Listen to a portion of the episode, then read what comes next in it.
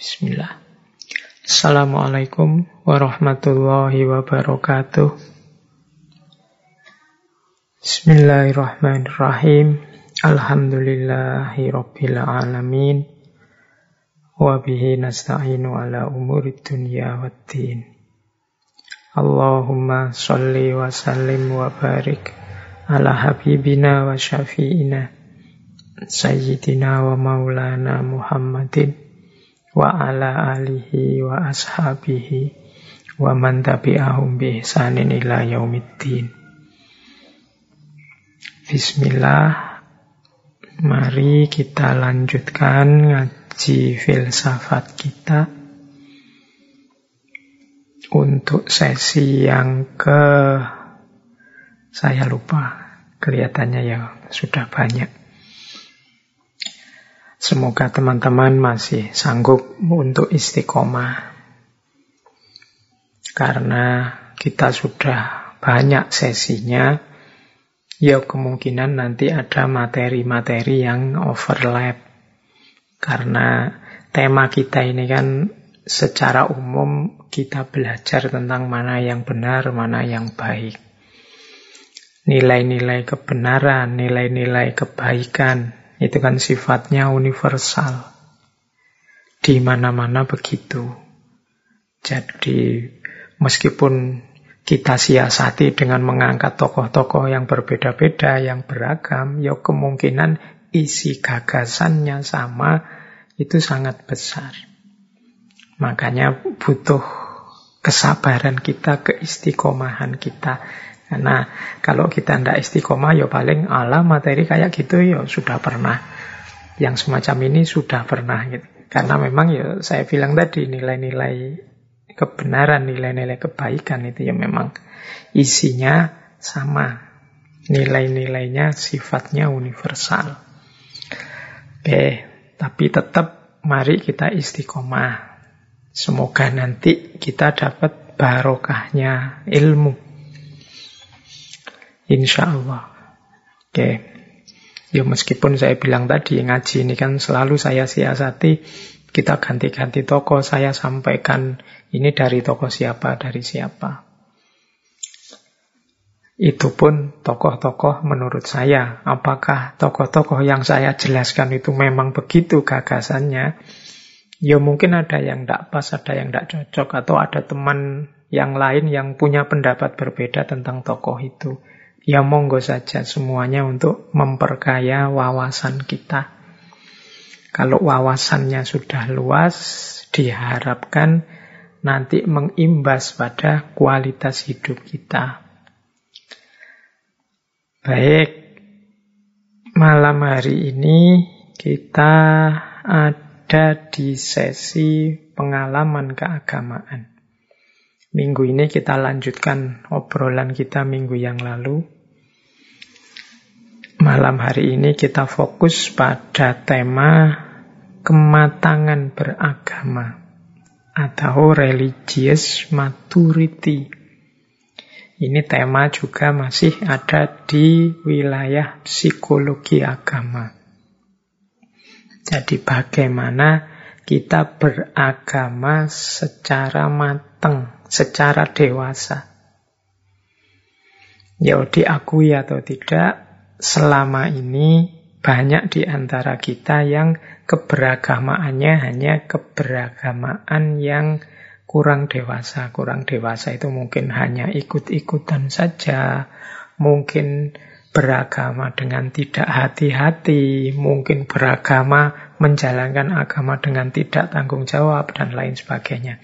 Itu kan ciri-cirinya orang dewasa, orang yang matang itu kan seperti yang saya sebut tadi.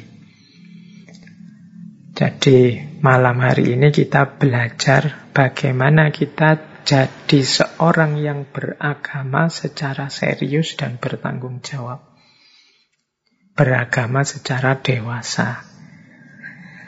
Baik, kita mulai Bismillahirrahmanirrahim Kita belajar sekarang Religious maturity Atau kematangan beragama Saya awali dari satu slide sebuah quote dari seorang novelis namanya Lawana Blackwell. Dia punya quote populer sekali, age is no guarantee of maturity.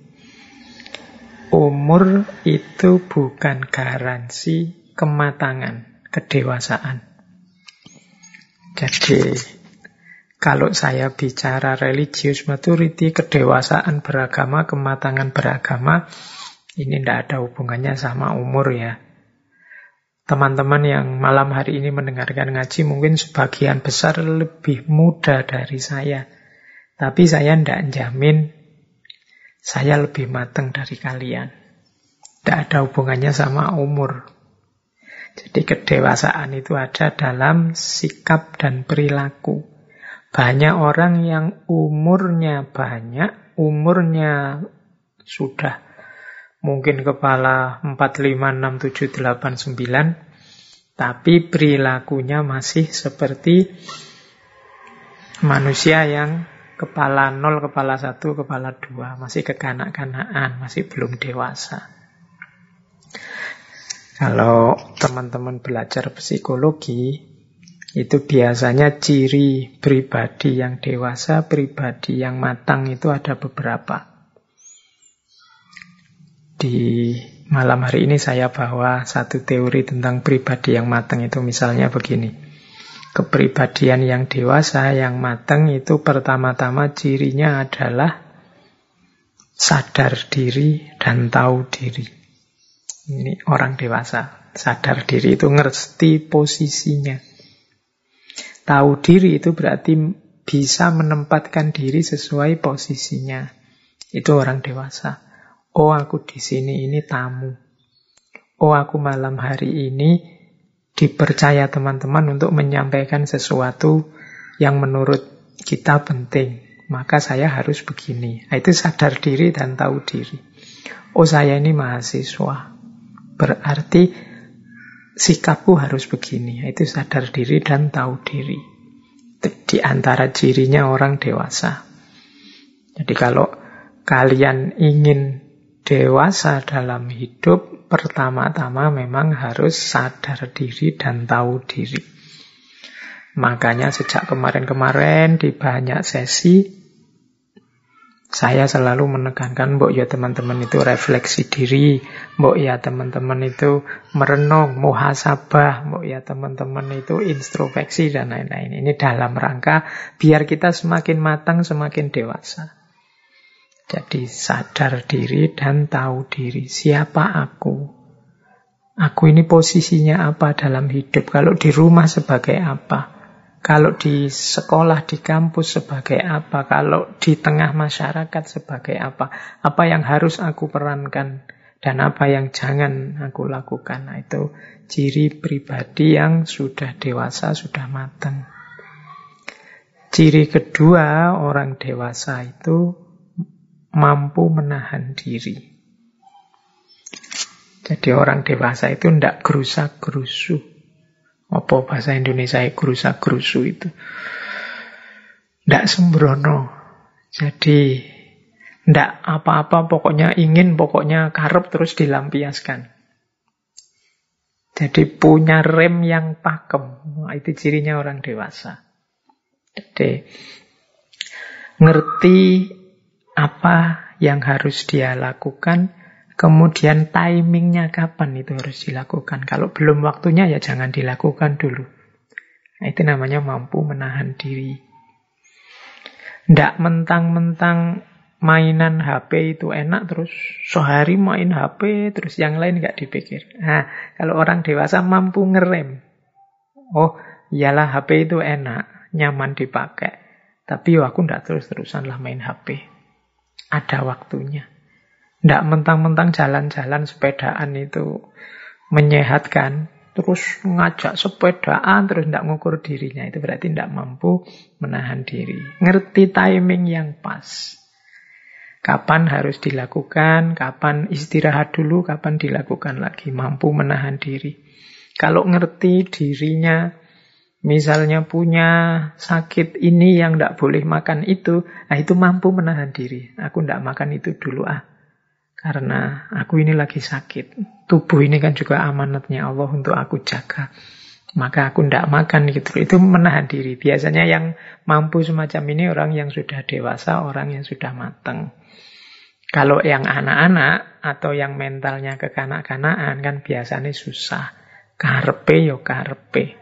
Nek ndak keturutan terus ngamuk-ngamuk. Nah itu kurang dewasa.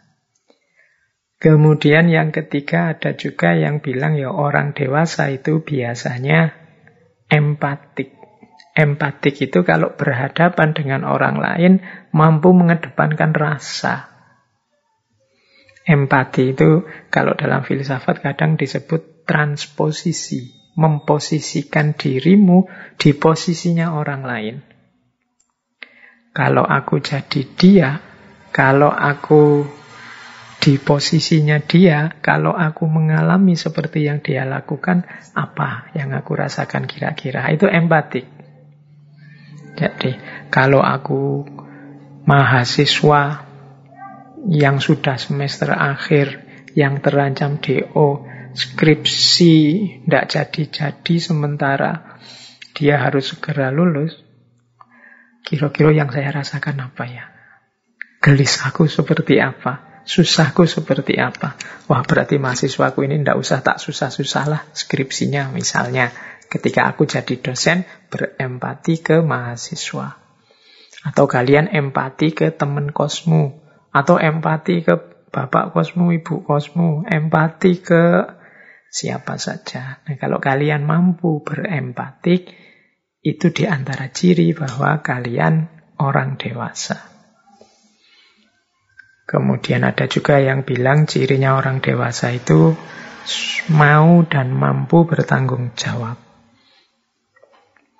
Jadi hidup ini kan kita punya banyak tugas, banyak kewajiban, banyak amanah yang dijalankan di posisi kita. Itu kalau orang dewasa mampu dan mau menjalankan. Kemudian buktinya tanggung jawab juga siap menerima dan menanggung apa pun resiko dari yang sudah dijalankan. Itu namanya sudah dewasa. Pak, saya kemarin ikut demo, jadi saya tidak ikut kuliah. Dan saya siap tidak kuliah ditulis bolos, karena saya kemarin tidak sempat pamit. Tidak apa-apa Pak, saya siap tanggung jawab. Itu dewasa namanya. Tidak masalah. Ya biar saja nanti dosennya yang empatik. Wah, iyalah saya seandainya di posisimu, demo, sudah lupa macam-macam saking semangatnya, lupa pamit ke dosen. Mungkin kalau aku muda juga seperti kalian, maka sudahlah tidak apa-apa. Kemarin saya anggap izin saja ya. Nah, dosennya mengempati ke kamu. Kamu juga orang dewasa yang siap tanggung jawab. Oh, ini pergaulan antara orang dewasa namanya. Orang yang sama-sama matang, siap tanggung jawab, mau mengempati, kemudian mampu menahan diri, sekaligus sadar diri dan tahu diri. Dan ada juga yang punya teori bahwa di antara cirinya orang dewasa, orang matang itu dia mampu memotivasi dirinya sendiri dan memotivasi orang lain. Jadi agak susah teman-teman kalau kita tidak bisa memotivasi diri kita sendiri. Tidak bisa motivasi diri sendiri itu berarti harus selalu butuh stimulan, butuh dorongan dari luar diri. Butuh ada bayarannya dulu baru bergerak. Butuh dipaksa dulu baru mau turun bekerja. Butuh dinasehati panjang lebar dulu baru mau sadar. Oh, itu nanti kita berat dalam hidup. Kalau orang dewasa biasanya mampu memotivasi dirinya sendiri. Saya harus mampu. Saya harus menyelesaikan pekerjaan ini. Saya tidak butuh ancaman dari luar, tidak butuh paksaan dari luar. Dia bisa memotivasi dirinya sendiri. Tidak apa-apa wis kalau motivator-motivator itu tidak laku kalian kalian bisa memotivasi dirinya sendiri. Yang lebih baik memang kalian mampu memotivasi dirimu sendiri. Jadi itu di antara ciri-ciri kepribadian yang matang.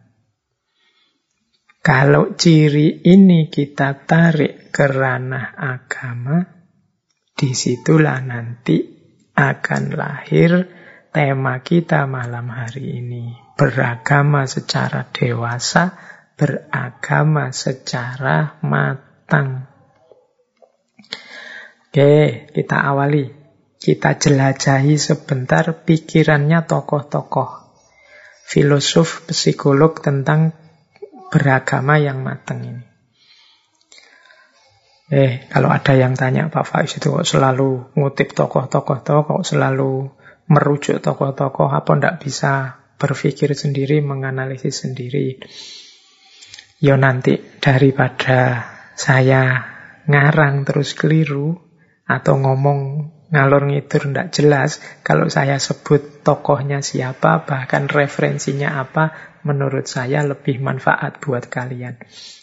Apalagi kalian kan mahasiswa-mahasiswa ini kan sebagian besar. Mungkin kalian ingin memperdalam tokoh ini, ingin melacak sumber aslinya, referensinya, itu kan tinggal diakses.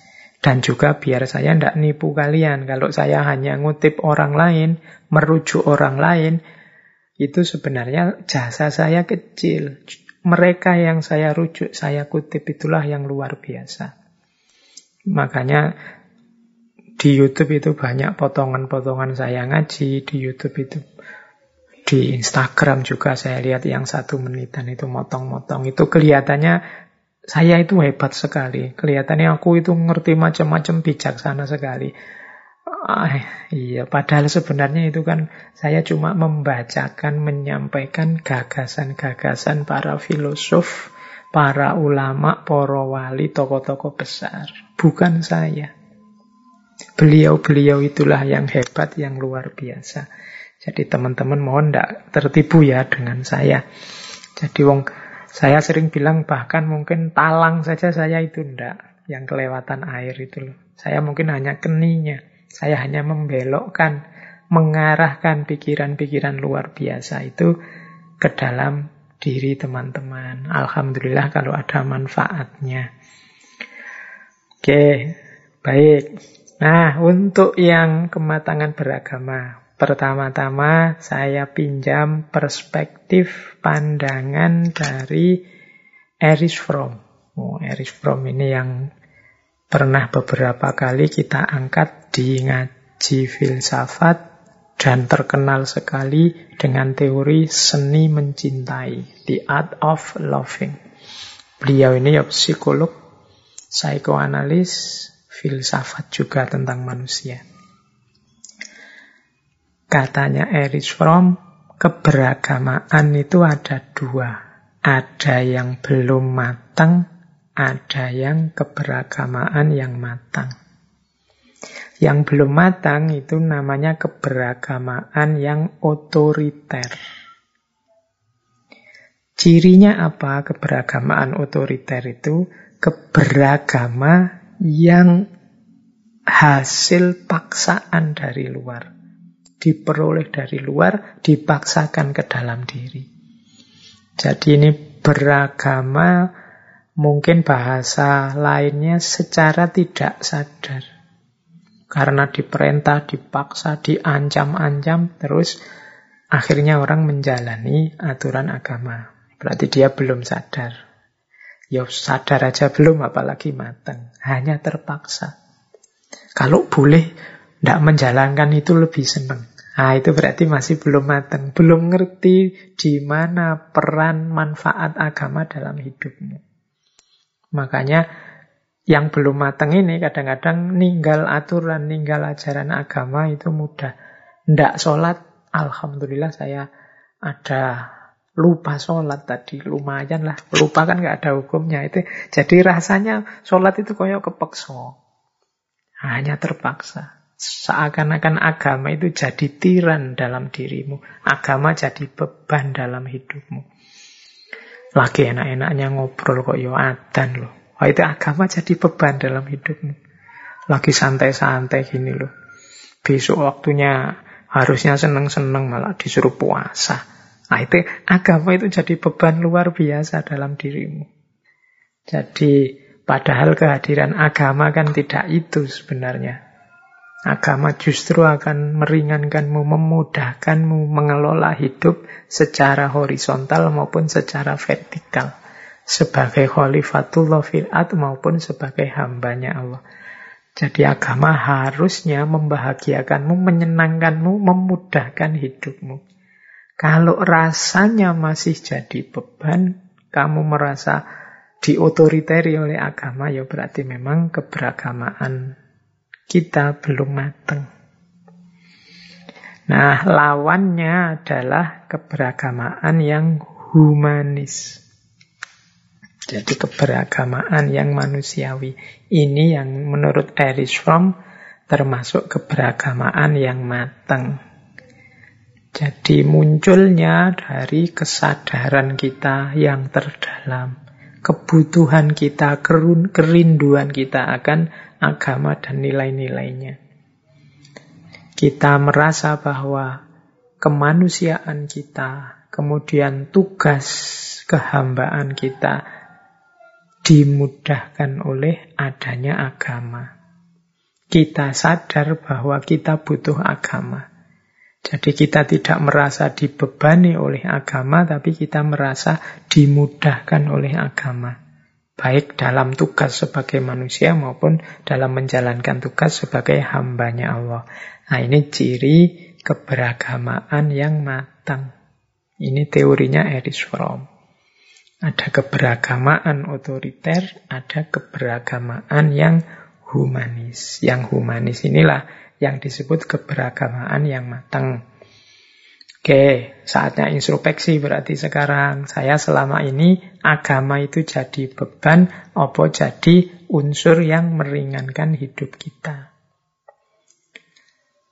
Terus yang selanjutnya ini saya ambil dari tokoh lain. Namanya Gordon Alport. Gordon Alport ini juga punya teori tentang kematangan beragama. Kematangan beragama itu karakter watak seseorang dalam menjalankan agamanya. Nah, katanya Gordon Alport, cirinya kematangan beragama itu ada enam. Jadi Ciri-ciri orang yang agamanya matang itu ada enam. Yang pertama, well differentiated and self-critical. Yang kedua, motivational force. Yang ketiga, moral konsistensi. Yang keempat, comprehensiveness. Yang kelima, integral, dan yang keenam heuristik. Nah, ini enam ya.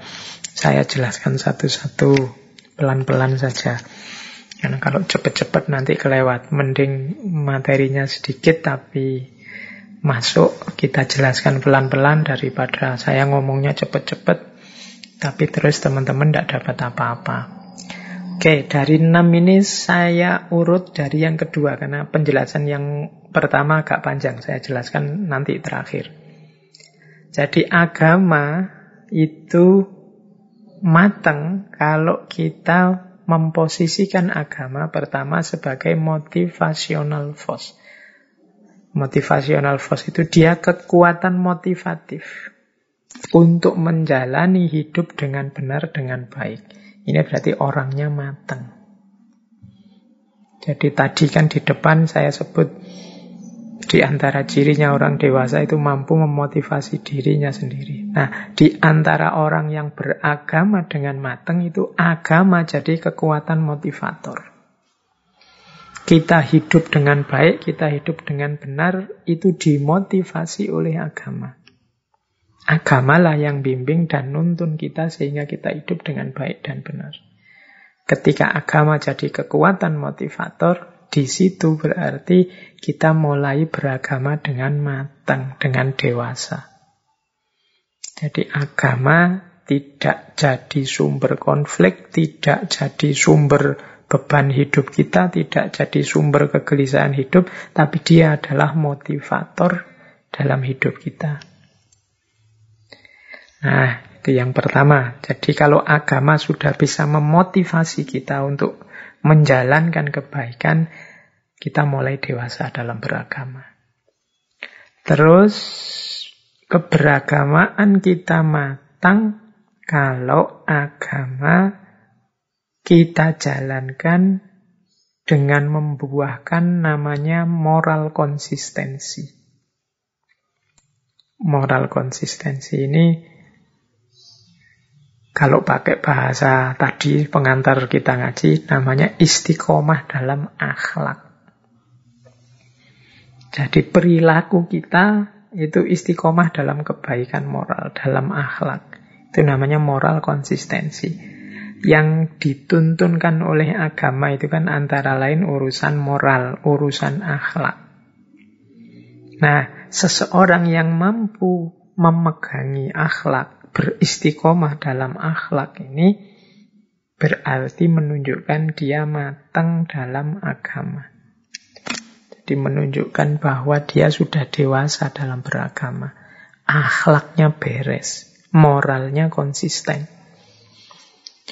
Jadi selain agama memberi motivasi untuk kita menjalankan kebaikan, selanjutnya kebaikan yang kita jalankan itu istiqomah, konsisten, tidak angin-anginan. Kalau pas lagi seneng, pas lagi kumat solehe, terus wah kebaikannya luar biasa. Tapi kalau pas kumat nakale, kumat malese, ya tidak jalan semuanya. Itu namanya tidak ada moral konsistensi. Kadang-kadang kalau ngomong hati-hati halus lembut tapi begitu kumat, wah keluar semua kata makian, keluar semua kebun binatang dari mulutnya. Moral konsistensinya kurang. Justru orang yang beragama matang itu kuat di istiqomah dalam akhlaknya. Nah, terus kalau ini agak berbeda.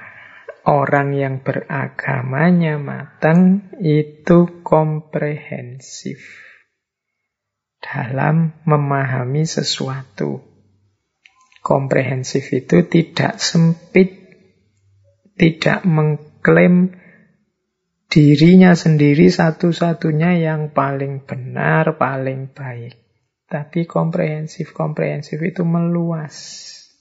Jadi pikirannya terbuka, melihat macam-macam, semuanya dilihat secara utuh. Itu namanya komprehensif. Nanti kalau dalam ureanya Alpot itu nanti diarahkan ke sikap toleran, toleransi. Maksudnya apa?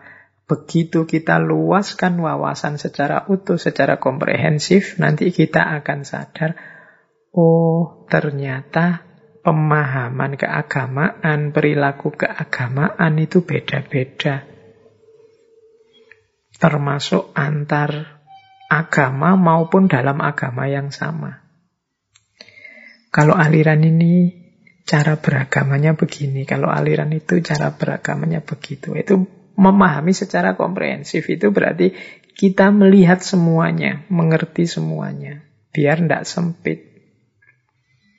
Itu terbuka pikirannya, tidak mengklaim dirinya sendiri satu-satunya. Itu berarti orang yang komprehensif. Beragama secara dewasa itu berarti juga menerima dan mempertimbangkan kehadiran yang lain. Jadi hidup yang membaca juga yang lain-lain, tidak hanya ngurusi dirinya sendiri. Itu prinsip komprehensif. Kemudian ada integral. Integral ini maksudnya nilai-nilai agama itu hidup sepenuhnya di dalam diri, tidak konflik. Integral masuk semua. Jadi kita ini paket lengkap. Ya jasmani, ya rohani, dituntun agama. Ya ngurusi urusan dunia ya berpikir akhirat. Itu namanya integral. Utuh. Kepribadiannya menyatu. Itu biasanya ciri orang yang matang dalam beragama. Ya dunia, ya akhirat, ya jasmani, ya rohani, ya ibadah, ya kerja, ya beraktivitas, ya istirahat, dan seterusnya. Dan yang keenam, heuristik. Heuristik ini maksudnya, kalau dalam penelitian itu menemukan yang baru. Heuristik ini berarti apa? Kita sadar bahwa kita ini manusia punya kelemahan, ada kekurangan. Kadang-kadang yang kita anggap benar ternyata keliru. Yang kita anggap manfaat ternyata malah mafsadat. Yang kita anggap berguna ternyata malah merusak. Karena kita manusia berarti apa? Kesadaran ini harus membuat kita ingin selalu mencari yang lebih baik, ingin selalu mencari yang lebih benar, ingin selalu terus, ingin berproses. Jadi di heuristik ini berarti apa? Orang yang beragama secara dewasa itu orang yang sadar tentang kelemahannya, kemudian selalu mencari yang lebih benar, yang lebih baik, nambah wawasan terus, nambah ilmu terus, tidak mandek. Nah ini berarti dewasa sudah beragamanya. Dia terbuka, rendah hati. Kalau diingatkan orang, mas, menurut saya sampean yang kayak gitu itu keliru. Oh iya toh. Salahnya di mana? Dasarnya apa? Nah, berarti dia mau terbuka. Nanti kalau memang setelah dicek, setelah ditelaah, oh iya, sampean lebih benar ternyata dari saya. Siap, saya ikut kebenaran yang menurut sampean sampaikan tadi. Nah, itu namanya beragama secara matang. Karena biasanya orang beragama itu kan cenderung terus fanatik dan egois. Ini yang kemudian merusak kematangan kita. Bahkan jadi akar banyak konflik. Nah, seorang yang beragamanya matang, dia ada di level heuristik. Selalu mencari lebih benar selalu rendah hati dan terbuka untuk diberi masukan-masukan yang baru. Ini berarti orangnya justru mateng. Kepribadiannya sudah dewasa dalam beragama. Oke, jadi itu Gordon Alport. Oh ya, tadi yang nomor satu belum saya jelaskan ya. Well differentiated dan self-critical. Ini katanya Gordon Alport, ciri pertama kematangan beragama itu well differentiated dan self-critical. Well differentiated itu paham benar tentang dirinya. Ngerti benar tentang posisinya. Self-critical itu mampu menasehati diri, mampu membaca kelemahan-kelemahan diri. Cirinya enam. Jadi cirinya orang beragama yang dewasa, yang well differentiated and self-critical itu enam. Yang pertama apa? Taat. Patuh. Ya. Agama kan yang nomor satu ya keimanan. Kepatuhan. Jadi kalian wawasanmu luas sekali, ilmumu dalam sekali tentang agama, tapi tidak ada nilai keimanan di situ, tidak ada kepatuhan di situ, yo sebenarnya belum disebut kalian beragama secara dewasa. Justru yang pertama-tama kedewasaan beragama itu dibuktikan dengan ketaatan dan kepatuhan. Ini syarat pertama ya karena kalau tidak ada ini ya wasalam. Wilayahnya bukan agama lagi. Mungkin kalian kritis, mungkin kalian ilmiah. Tapi ketika iman, kepak, ketaatan, kepatuhannya tidak ada ya mungkin hanya jadi filsafat saja. Bukan lagi ranah agama. Jadi yang pertama taat, kemudian observatif. Ini bahasanya ilmiah, tapi kalau diterjemahkan sederhana ya orang beragama ya meskipun awalnya patuh, taat, beriman, ya harus ngerti dasarnya, mencari-cari argumennya. Itu namanya observatif. Jadi, oh menurut yang saya pahami, saya harus percaya ini, saya harus melakukan ini. Tapi kira-kira dalilnya apa sih? Dasarnya apa sih? Argumennya apa sih? Alasannya apa sih? Nah, itu namanya observatif. Iman plus paham itu jauh lebih kuat dan tangguh daripada iman saja. Ini di beberapa sesi, saya lupa sesi apa pernah saya sampaikan. Karena begitu kita paham, itu kan keimanan kita tambah mantap. Mengapa sih kita harus patuh pada orang tua? Loh itu kalau dikurangi paham, itu ya mungkin kita tidak terlalu serius patuh pada orang tua. Tapi kalau kita nyari argumen, nyari dasar, nyari kita mengobservasi bukti-bukti ini loh, mulianya orang tua itu. Sehingga kita harus menghargainya. Bahkan surga di bawah telapak kaki seorang ibu dan seterusnya. Ini kan mengobservasi dasar argumen. Loh, kalau tadi kita hanya percaya, ya mungkin percaya beriman jalan. Tapi begitu ngerti dasarnya, tambah mantep kita berbakti pada orang tua. Tambah serius kita melayani orang tua. Itu karena ada observasi tadi. Kita nyari nyari dasar, nyari dalil. Oke, itu ciri kedua. Ciri yang ketiga adalah kritis. Nah, kalau kritis ini ya tadi kan nyari bukti, nyari argumen. Cuma ya jangan diterima begitu saja. Dikritisi, akalnya dipakai. Cocok enggak sih argumen tadi? Relevan enggak sih? Valid enggak sih? Maksudnya sama enggak sih? Kalau untuk kasusku bisa dipakai enggak sih? Ini universal apa hanya parsial saja? Manfaatnya untuk peristiwa tertentu apa untuk semua peristiwa? Itu namanya kritis. Itu bagian dari self-critical tadi, itu sikap kritis. Nah ini kalau ini mungkin harus latihan, banyak ilmu makanya kita selalu menegaskan dalam ngaji ini ayo jangan bosan-bosan cari ilmu. Jangan bosan-bosan istiqomah nambah wawasan tentang apa pun. Itu bekal kita untuk kritis dan observatif. Yang keempat, reflektif reflektif ini momen evaluasi. Jadi momen menilai. Tadi saya menjalankan ini, dasarnya ini, sudah tak cek dasarnya benar. Apakah yang saya jalankan sudah tepat? Ah, itu reflektif.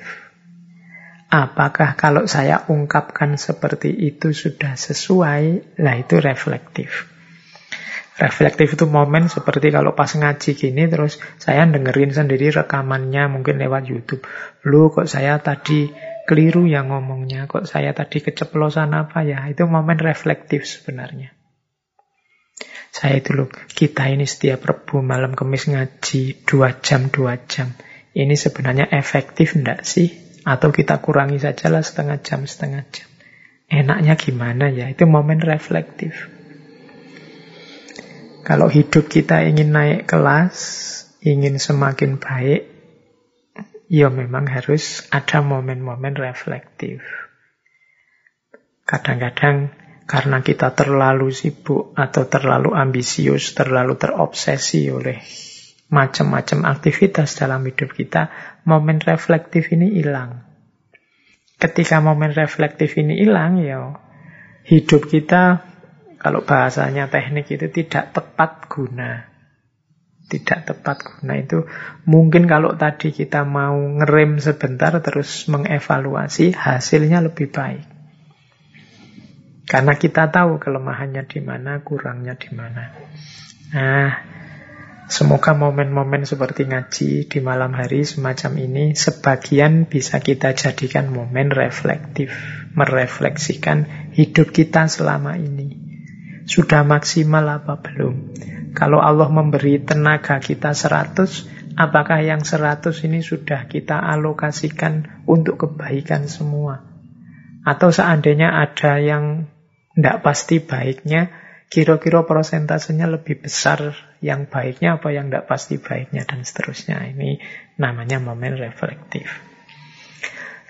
Ini juga ciri beragama secara dewasa. Kemudian ada juga ciri beragama yang dewasa itu yaitu tidak dogmatis. Tidak dogmatis ini maksudnya iya kita mengimani sesuatu, kita meyakini sesuatu, isi imanmu benar. Cuma kalian yang manusia ini kadang-kadang keliru. Jadi tidak dogmatis itu tidak matok dogma. Itu nyambung dengan ciri selanjutnya tidak fanatik. Tidak fanatik itu tidak matok sikap, matok perilaku. Jadi tidak dogmatis dan tidak fanatik itu diawali dari tadi kesadaran yang kritis bahwa aku bisa saja salah, aku bisa saja keliru. Al-Quran pasti baik, pasti benar. Tapi pemahamanku terhadap Al-Quran bisa keliru. Karena aku ini manusia, ada nafsunya, ada hasratnya, ada ambisinya. Maka beriman ya, tapi harus selalu kritis. Kita evaluasi terus, jangan-jangan sikap keimananku ini keliru. Tidak fanatik berarti ya tidak berhenti di situ terus. Coba dievaluasi, aku ini semacam ini benar enggak sih? Aku ini ikut saja apa kata tokoh ini cocok enggak sih? Aku ini mati-matian membela aliran ini relevan enggak sih? Nah, itu namanya kritis. Ini berarti beragama secara dewasa. Jadi Mengkritisi itu bukan berarti kemudian terus, wah berarti mau ganti aliran nih Pak, mau ganti ajaran. Enggak. Tapi terbuka, siap kalau ada masukan-masukan, wawasan-wawasan baru yang memang buktinya kuat bahwa yang kemarin saya salah, ya saya siap berubah. Ini orang dewasa. Tapi kalau tawaran-tawaran baru itu ternyata juga dasarnya lemah, tidak cocok dengan hidup saya atau tidak sesuai dengan dasar-dasar keimanan yang saya yakini, jadi saya tetap dengan yang lama. Tidak masalah. Yang tidak boleh itu hidup mati, harga mati, right or wrong harus ini. Itu namanya dogmatis dan fanatik. Cirinya orang dewasa itu terbuka. Mau menerima masukan dan siap berubah kalau memang harus berubah mau mengakui salah kalau memang terbukti yang kemarin-kemarin saya melakukan kesalahan. Nah, itu ciri selanjutnya dari kematangan beragama bagian well differentiated dan self-critical menurut Gordon Allport, seorang tokoh psikolog. Terus saya tambah satu lagi, ini agak cepat saja. Psikolog yang lain namanya Walter Houghton Clark. Bagi dia, beragama yang dewasa itu yang pertama adalah kritis, kreatif, otonom. Hmm, jadi otonom itu berarti tadi ya, memutuskan sendiri. Tidak hanya fanatik pada orang lain atau pada lembaga tertentu. Tapi juga kritis. Ini sudah dijelaskan di depan. Yang kedua, memperluas perhatian terhadap hal-hal di luar diri. Ini sama dengan tadi ya, comprehensiveness. Jadi tidak hanya egois mikir dirinya, yang dilihat cuma dirinya, yang dianggap benar cuma dirinya tapi meluaskan perspektif ke yang lain. Ini berarti orangnya dewasa. Kemudian tidak puas hanya dengan rutinitas ritual dan verbalisasinya. Jadi menurut Clark, orang yang beragama, yang dewasa keberagamaannya, itu penuh makna dalam menjalani agama. Penuh makna itu mendalam, ngerti maksudnya, ngerti tujuannya, menghidupkan kebaikan, menghidupkan kebenaran, tidak sekedar rutinitas ritual. Maksudnya rutinitas ritual itu kita tidak kayak mesin yang diprogram untuk jalan terus sesuai programnya, tapi kita ini manusia yang ngerti makna. Semua perintah agama itu ada rahasianya, ada maknanya, ada tujuannya. Tidak sekedar rutinitas. Kalau hanya rutinitas, ya nanti kita kayak robot, kayak mesin. Kalau hanya misalnya ngaji, ngaji itu kalau hanya rutinitas ritual ya mungkin kita levelnya kayak HP atau kayak MP3 player itu yang ngaji terus diprogram bisa. Tapi kita ini manusia, ada internalisasi, ada eksternalisasi makna. Jadi agama itu kan seperti saya jelaskan tadi, dia adalah petunjuk, pedoman untuk kita hidup yang lebih baik. Maka ya jadikan dia petunjuk, jadikan dia pedoman. Tidak sekedar rutinitas ritual. Al-Quran kan banyak ayat-ayat yang mengindikasikan bahwa jangan sekedar ritual. Di balik itu ada maknanya. Misalnya, sholat digandeng dengan tanha anil fasya wal mungkar. Ya, kalau kita sholat itu efeknya kelihatan. Hidup kita tercegah dari fasya dan mungkar. Kemudian mungkin zakat ada efek tazkiyah. Harta yang tersucikan dan jiwa kita yang tidak terikat oleh harta benda. Nah ini makna-makna yang lebih dalam daripada sekedar rutinitas. Puasa yang mampu mendidik jiwa untuk menahan diri dan lain sebagainya. Nah, orang beragama yang dewasa tidak puas hanya dengan rutinitas. Saya itu gelisah, Pak. Saya sholatnya itu ya, pokoknya asal sholat, sih penting lima waktu beres. Saya tidak merasa ada kedalamannya, saya tidak merasa ada makna hidup yang lahir dari aktivitas saya sholat. Nah, ini berarti Alhamdulillah kalau kalian merasakan kegelisahan itu, kalian mulai sadar untuk beragama secara dewasa. Kalian coba kejar terus itu, cari caranya gimana agar sholat kita punya efek, punya imbas tanha anil fasya wal mungkar, kejar maknanya sehingga ada efeknya tidak sekedar ritual. Belajar terus, berusaha terus, riadoh mujahadah terus. Oke, nah ini perspektif dari Walter Hutton Clark tentang kematangan beragama. Oke, itu jadi Beberapa tokoh sudah kita jelajahi, ada Erich Fromm, ada Gordon Alport, kemudian ada Walter Hutton Clark. Ya sebenarnya masih banyak tokoh-tokoh lain, cuma kita kita cukupkan menjelajahi tokoh-tokoh.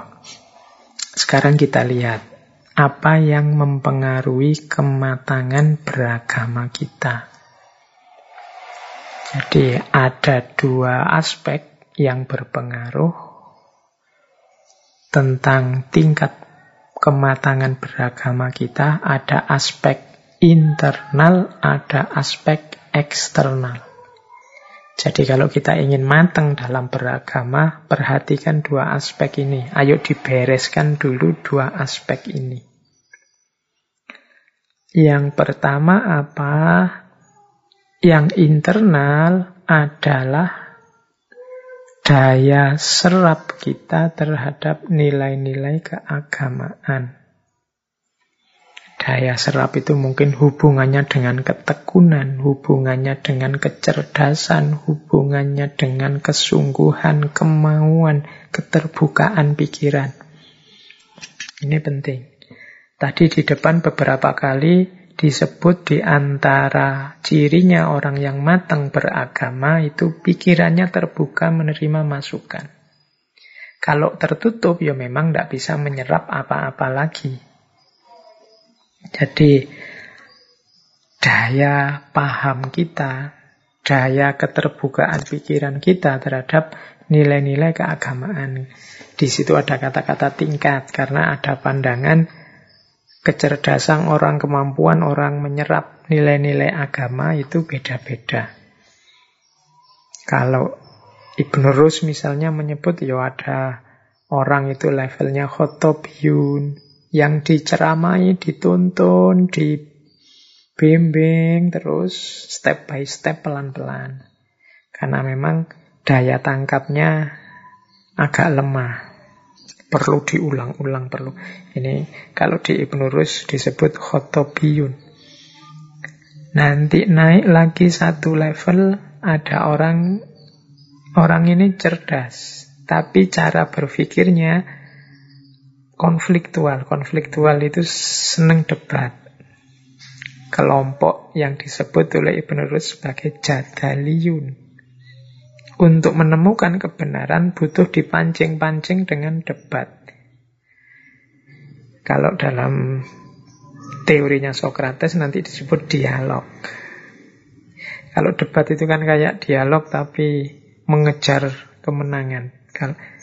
Cuma kalau di dialognya Socrates itu orang dipancing untuk menemukan kebenaran. Nah, cara menyerapnya juga beda kelompok Jadaliyun ini. Dan yang ketiga kelompok Hakimiyun. Hakimiyun ini ahli hikmah. Jadi ini orang yang mampu menangkap nilai agama, nilai kebenaran di level yang dalam dan luas. Oke, itu internal mempengaruhi. Jadi teman-teman yang ingin matang keberagamaannya, pertama-tama pahami diri sendiri dulu, kapasitasmu dan kemampuanmu sejauh mana.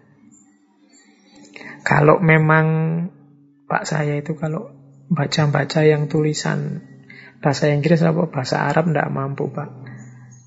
Kalau baca memang saya berat Pak. Tapi kalau diceramai, diberitahu, kayak ngaji ini saya lebih mudah menerimanya Pak. Ya oke, kamu ketika ngerti itu ya berarti cari media-media yang cocok dengan situasimu, seleramu. Ada yang saya tidak bisa Pak kalau rame-rame kayak ngaji gini pakai suara saya tidak bisa. Saya bisa nih di kamar sendirian baca buku. Oke, pakai cara itu.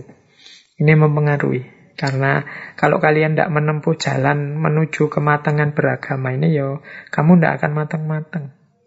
Dimulai dari internal dirinya sendiri. Terus yang kedua, pemaknaan terhadap ajaran agama. Pemaknaan terhadap ajaran agama ini maksudnya sejauh mana posisinya agama dalam hidupmu. Jadi bagi saya agama itu penting loh Pak. Mungkin ada, ah, bagi saya agama itu hanya tempelan saja kok Pak. Pelengkap saja. Oh bagi saya agama itu nah, ini penting pemaknaanmu terhadap ajaran agama secara umum itu kemudian juga bisa pemaknaan perajaran Islam itu menurut saya Pak intinya adalah pengendalian diri nah, kalau saya Pak Islam itu intinya kepasrahan Wah kalau saya Pak, Islam itu intinya kepatuhan. Ah. Itu menentukan nanti kedewasaanmu beragama. Pemaknaanmu terhadap agama. Yang pastinya setiap orang beda-beda.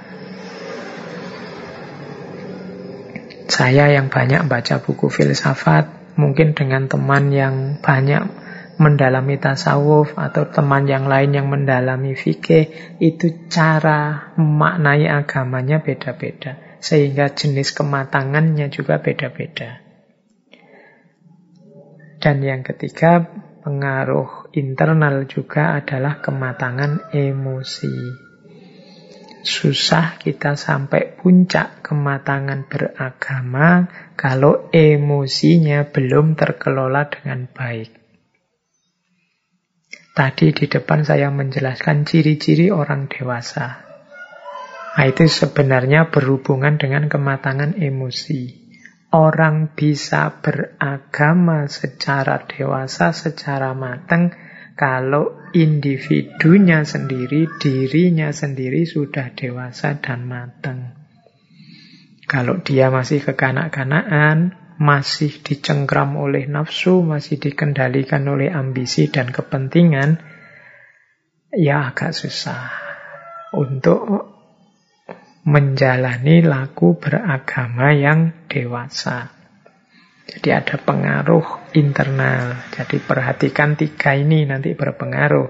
Jadi kapasitas daya serap kita terhadap agama, kemudian positioning pemaknaan kita terhadap ajaran agama, dan yang ketiga kematangan emosi kita.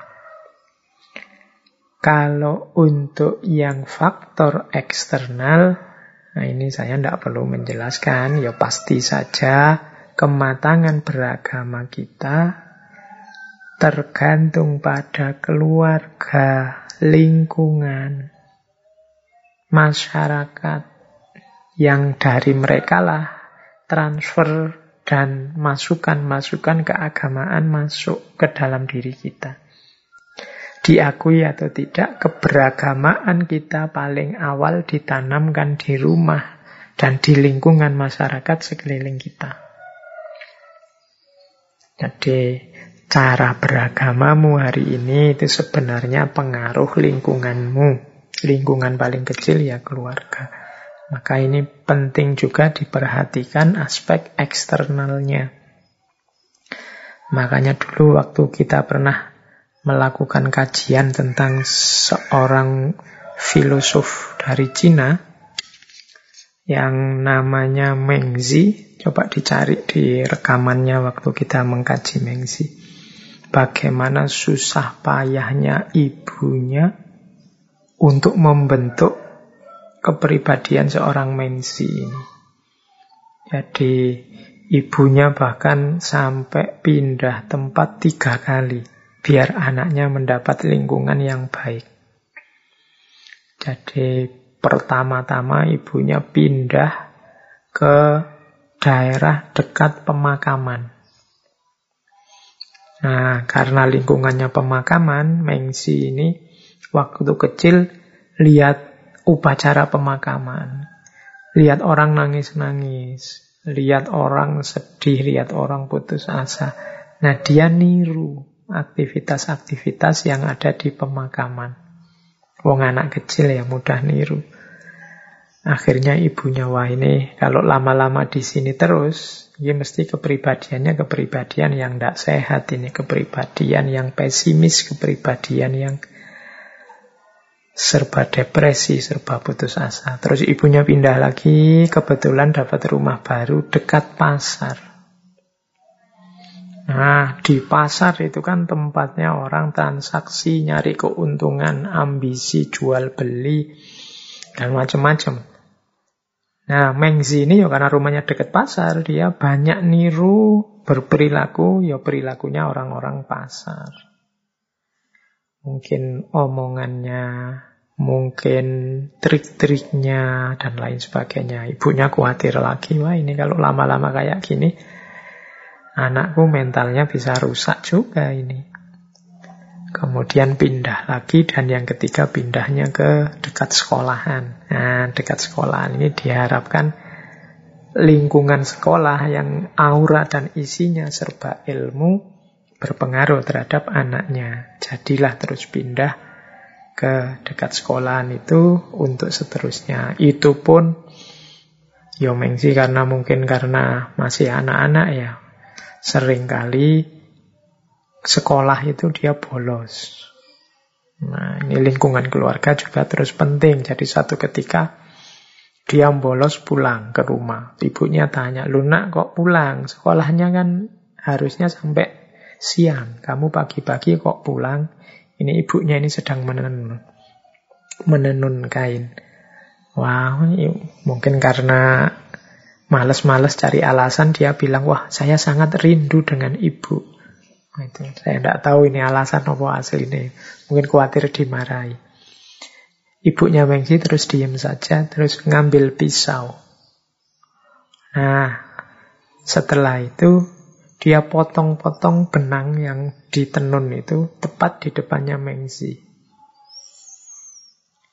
Kemudian ibunya bilang, nak, kita ini orang miskin.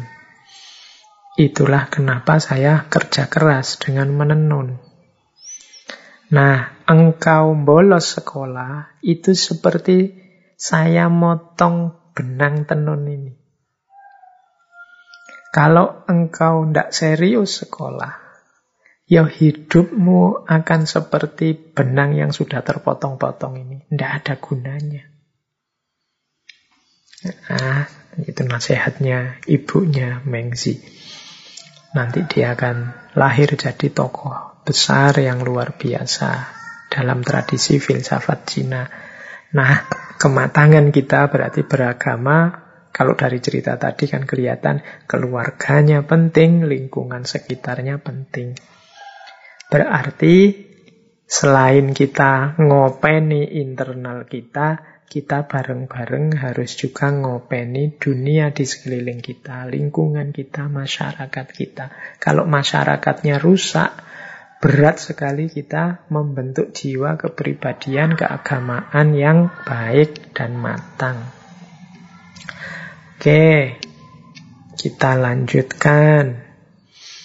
Nah, kalau tadi pengaruhnya, sekarang kita lihat ranah-ranah kematangan beragama. Ranah itu wilayah apa saja yang harus kita jalankan secara matang, secara dewasa. Jadi beragama itu kalau di yang saya bawa ini ada tujuh ranah. Yang ini harus kita jalani secara serius, jalani secara matang. Jadi ada tujuh wilayah. Jadi bagi yang ingin beragama serius, kalau dalam bahasa Islam, fisil mikafah, seutuhnya dan matang, penuhi tujuh hal ini. Yang pertama apa? Doktrinal. Doktrinal itu berarti keyakinan keimanan, kredo keimanan kita. Itu namanya doktrinal. Syahadat itu doktrinal. Saya yakin bahwa Allah satu-satunya Tuhan. Tidak ada Tuhan selain dia. Itu doktrinal. Bahwa Nabi Muhammad adalah Rasulnya. Nah, itu namanya doktrinal keyakinan. Ini harus kita jalankan secara serius. Tidak hanya mengucapkan syahadat, tapi juga menjalankan hidup yang syahadat. Hidup yang menomorsatukan Allah dan tuntunan kanjeng Nabi Muhammad. Itu berarti implikasi doktrinalnya. Yang kedua, ritual. Jadi ibadah harus mau menjalani aktivitas-aktivitas peribadatan dalam agama. Nanti kapan-kapan kita bahas lagi tentang filsafat ibadahnya. Tapi sebagai bukti kematangan beragama seseorang adalah kesediaannya untuk menjalankan ritual, sholat, zakat, puasa, dan lain-lain. Oke, banyak, adalah tidak banyak ya, satu dua yang tanya ke saya, Pak, apa sih gunanya sholat? Apa sih gunanya zakat? Apa sih gunanya puasa? Menurut saya kok tidak terlalu manfaat. Ada satu dua teman yang dalam tanda petik bilangnya dalam pencarian. Cuma kapan-kapan kita bahas tema ini serius ya tentang filsafat ibadah ini. Tapi ringkesnya saya mau tanya, lah terus jeleknya apa sholat? Jeleknya apa zakat berbagi ke fakir miskin? Jeleknya apa puasa? Itu pertanyaan debatnya bisa ke arah sana nanti. Kemudian kalau tadi kamu komitmen bahwa Allah adalah penguasa alam semesta. Allah adalah Tuhan kita. Allah adalah kita bersaksi dia satu-satunya yang berhak ngatur kita, memerintah kita. Sementara sudah jelas lewat keimanan kita bahwa Allah memerintahkan kita untuk melakukan ibadah-ibadah tertentu, masa kita mau nawar? Kemudian sering juga saya ilustrasikan Ya ketemu Allah itu bisa dari banyak jalur. lewat banyak jalan, tapi ada jalan yang Allah sendiri menyuruh kita menemuinya lewat jalan itu. Dari ranah akhlak dan adab, ya kalau kita mau menemui seseorang, harusnya lewat jalan, lewat jalur yang diridhoi, diinginkan oleh yang punya rumah. Nah ini bisa logika ritualnya begitu. Oke, ini juga menunjukkan kematangan beragama. Yang ketiga moral. Bukti paling sederhana seseorang komitmen dengan agamanya itu moral. Penjelasannya sudah banyak. Saya tidak akan berpanjang lebar kalau tentang moral ini ya. Akhlak, adab itu kunci. Tegaknya agama. Yang keempat, intelektual orang beragama harus terus semangat, terus mengupayakan dirinya agar pinter, wawasannya semakin luas, semakin komprehensif, semakin utuh. Semakin rendah ilmu, biasanya semakin sukar untuk orang dewasa dalam beragama. Kenapa? Dia semakin sempit wawasannya semakin tidak komprehensif. Semakin mengklaim dirinya satu-satunya yang paling benar, satu-satunya yang paling baik. Nah ini intelektual. Bahkan ada teori namanya teori taskhir. Teori taskhir itu pandangan yang bilang bahwa orang itu harus mampu menaklukkan alam. Menaklukkan alam itu ya bekalnya ilmu. Dan orang yang kurang ilmu biasanya tauhidnya juga tidak bisa memuncak. Kenapa? Karena orang yang kurang ilmu tidak bisa menaklukkan alam tadi. Justru dia ditaklukkan merasa gentar di hadapan alam. Makanya zaman dulu ada orang mungkin kagum takut sama laut, khawatir misalnya tenggelam di laut, khawatir kena air tsunami macam-macam terus ada ritual-ritual untuk dalam tanda petik nyembah dewa air, ritual untuk nyembah pohon zaman dulu zaman-zaman primitif. Itu kan kalau pakai teori apa sosiologi agama, antropologi agama antara lain karena merasa takut, merasa tidak berdaya di hadapan alam. Nah itu kuncinya sebenarnya kan di dimensi intelektual ini. Pinterlah. Begitu kamu ngerti ilmunya, kamu ngerti sekarang. Oh, tidak perlu ditakuti. Tidak perlu kita merasa lemah, merasa tidak berdaya di hadapannya. Rahasianya ini toh. Nah itu berarti untuk bertauhid sampai puncak kita butuh kekuatan intelektual. Beragama kita butuh ilmu. Ini dimensi intelektual. Nah, kemudian juga dimensi sosial. Dimensi sosial ini ya hubungannya dengan relasi kita dengan sesama. Relasi kita dengan orang lain harus juga baik. Karena agama kan tidak bukan hanya urusan keyakinan kita, tapi ekspresi dari keyakinan kita. Nah, ketika kita mengekspresikan keyakinan itu kan berhadapan dengan lingkungan masyarakat, situasi sosial di sekeliling kita. Mau tidak mau, kita juga harus tuntas menjalankan tuntunan agama, tidak hanya di level pribadi, tapi juga di level sosial. Makanya ada istilah tauhid sosial. Bagaimana implikasi tauhid dalam kehidupan bersama. Orang yang matang keberagamaannya, ya aspek sosialnya biasanya juga baik. Ada banyak kisah, ada banyak hadis yang menjelaskan bahwa orang yang baik itu ya yang baik pada tetangganya, lingkungan masyarakat sekelilingnya. Itu di antara bukti keimanan, kematangan beragama itu kan banyak hadis-hadis itu kan la yu'minu ahadukum hatta yuhibba li nafsihi ma yuhibba li akhihi dan seterusnya.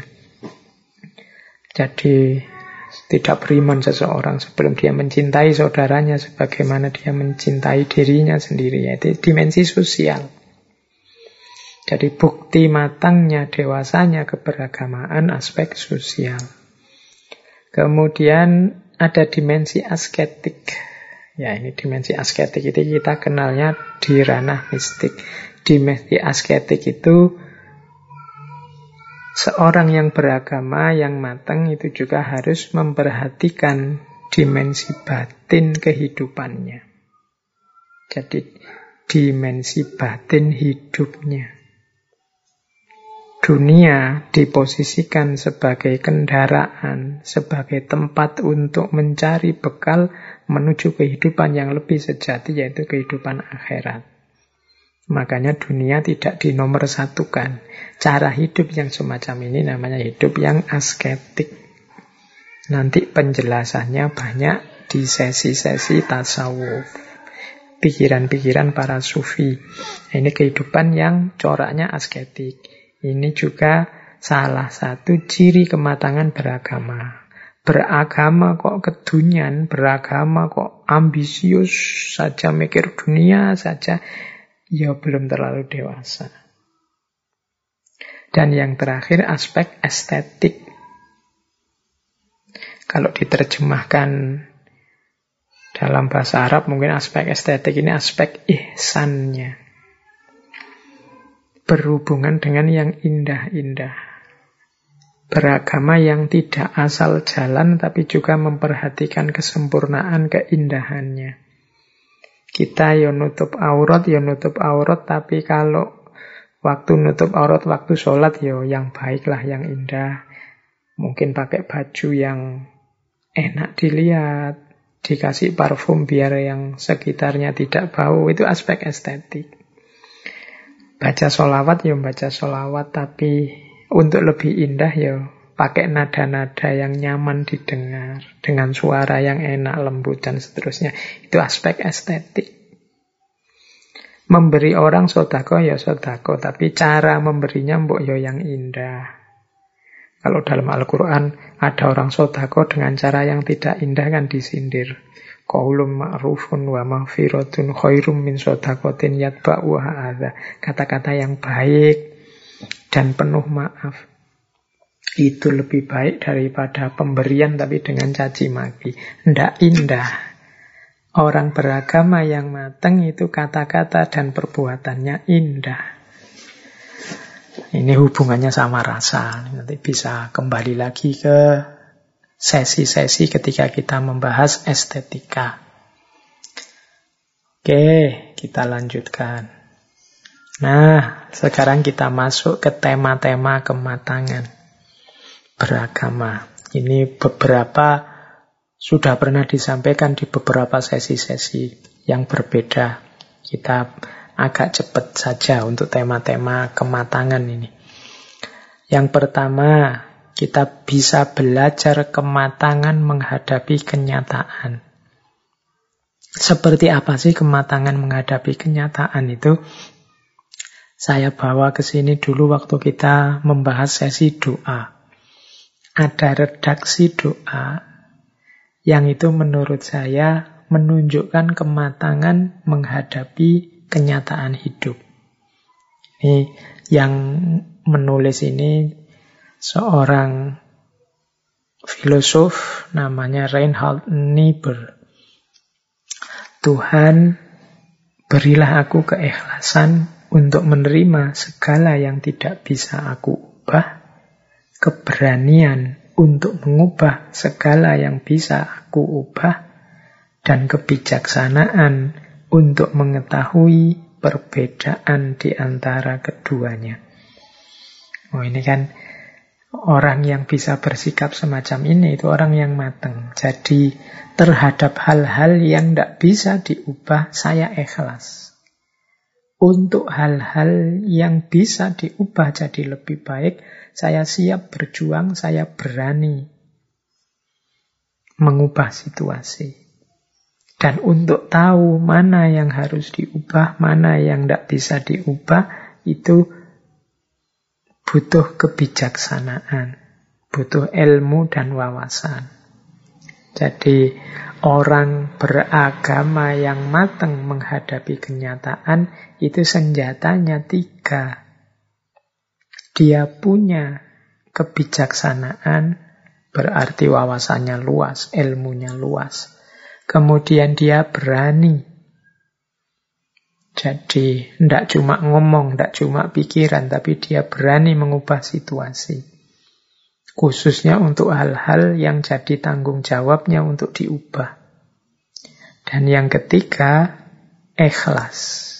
Untuk menerima apa saja yang tidak bisa diubah. Kalau tidak bisa diubah, siap mengikhlaskan. Kalau masih bisa diubah, siap mengubah, menjalankan, berani. Kemudian untuk membedakan keduanya, punya ilmunya punya wawasan dan punya kebijaksanaan. Kuncinya kematangan hidup itu ternyata tiga ini. Bijaksana, berani, dan ikhlas. Ini kalau dihubungkan dengan agama, ya berarti kalau ikhlas, ya tetap segalanya kita pasrahkan pada kehendaknya Allah. Keberanian sajaah itu berarti kesiapan kita untuk mendaya gunakan anugerah Allah, tenaga, akal budi. Dan kebijaksanaan berarti kemauan kita untuk selalu nambah ilmu. Seperti ngaji kita malam hari ini. Oke, tema kedua. Tema kedua tentang takwa. Ini kita mulai masuk ke ayatnya ya. Ada ayat, ada hadis saya bawa ini biar kayak ngaji beneran. Yang kemarin-kemarin kan masih isinya yang pengantar minggu lalu, filsafat semua. Nah, sekarang kita masuk ke ayat-ayat yang menunjukkan kematangan beragama. Jadi menurut saya di antara cirinya orang yang matang beragama itu orang yang takwa. Ini saya ambil dari surat Ali Imran 133 134. Jadi di situ kan disebut ciri-cirinya orang yang bertakwa. Wasari'u ila maghfiratim mir rabbikum wa jannatin arduhas samawati wal ard uiddat lil muttaqin. Dan bersegeralah menuju ampunan dari Tuhanmu dan surga yang luasnya seluas langit dan bumi uiddat lil muttaqin yang dijanjikan pada orang-orang yang bertakwa.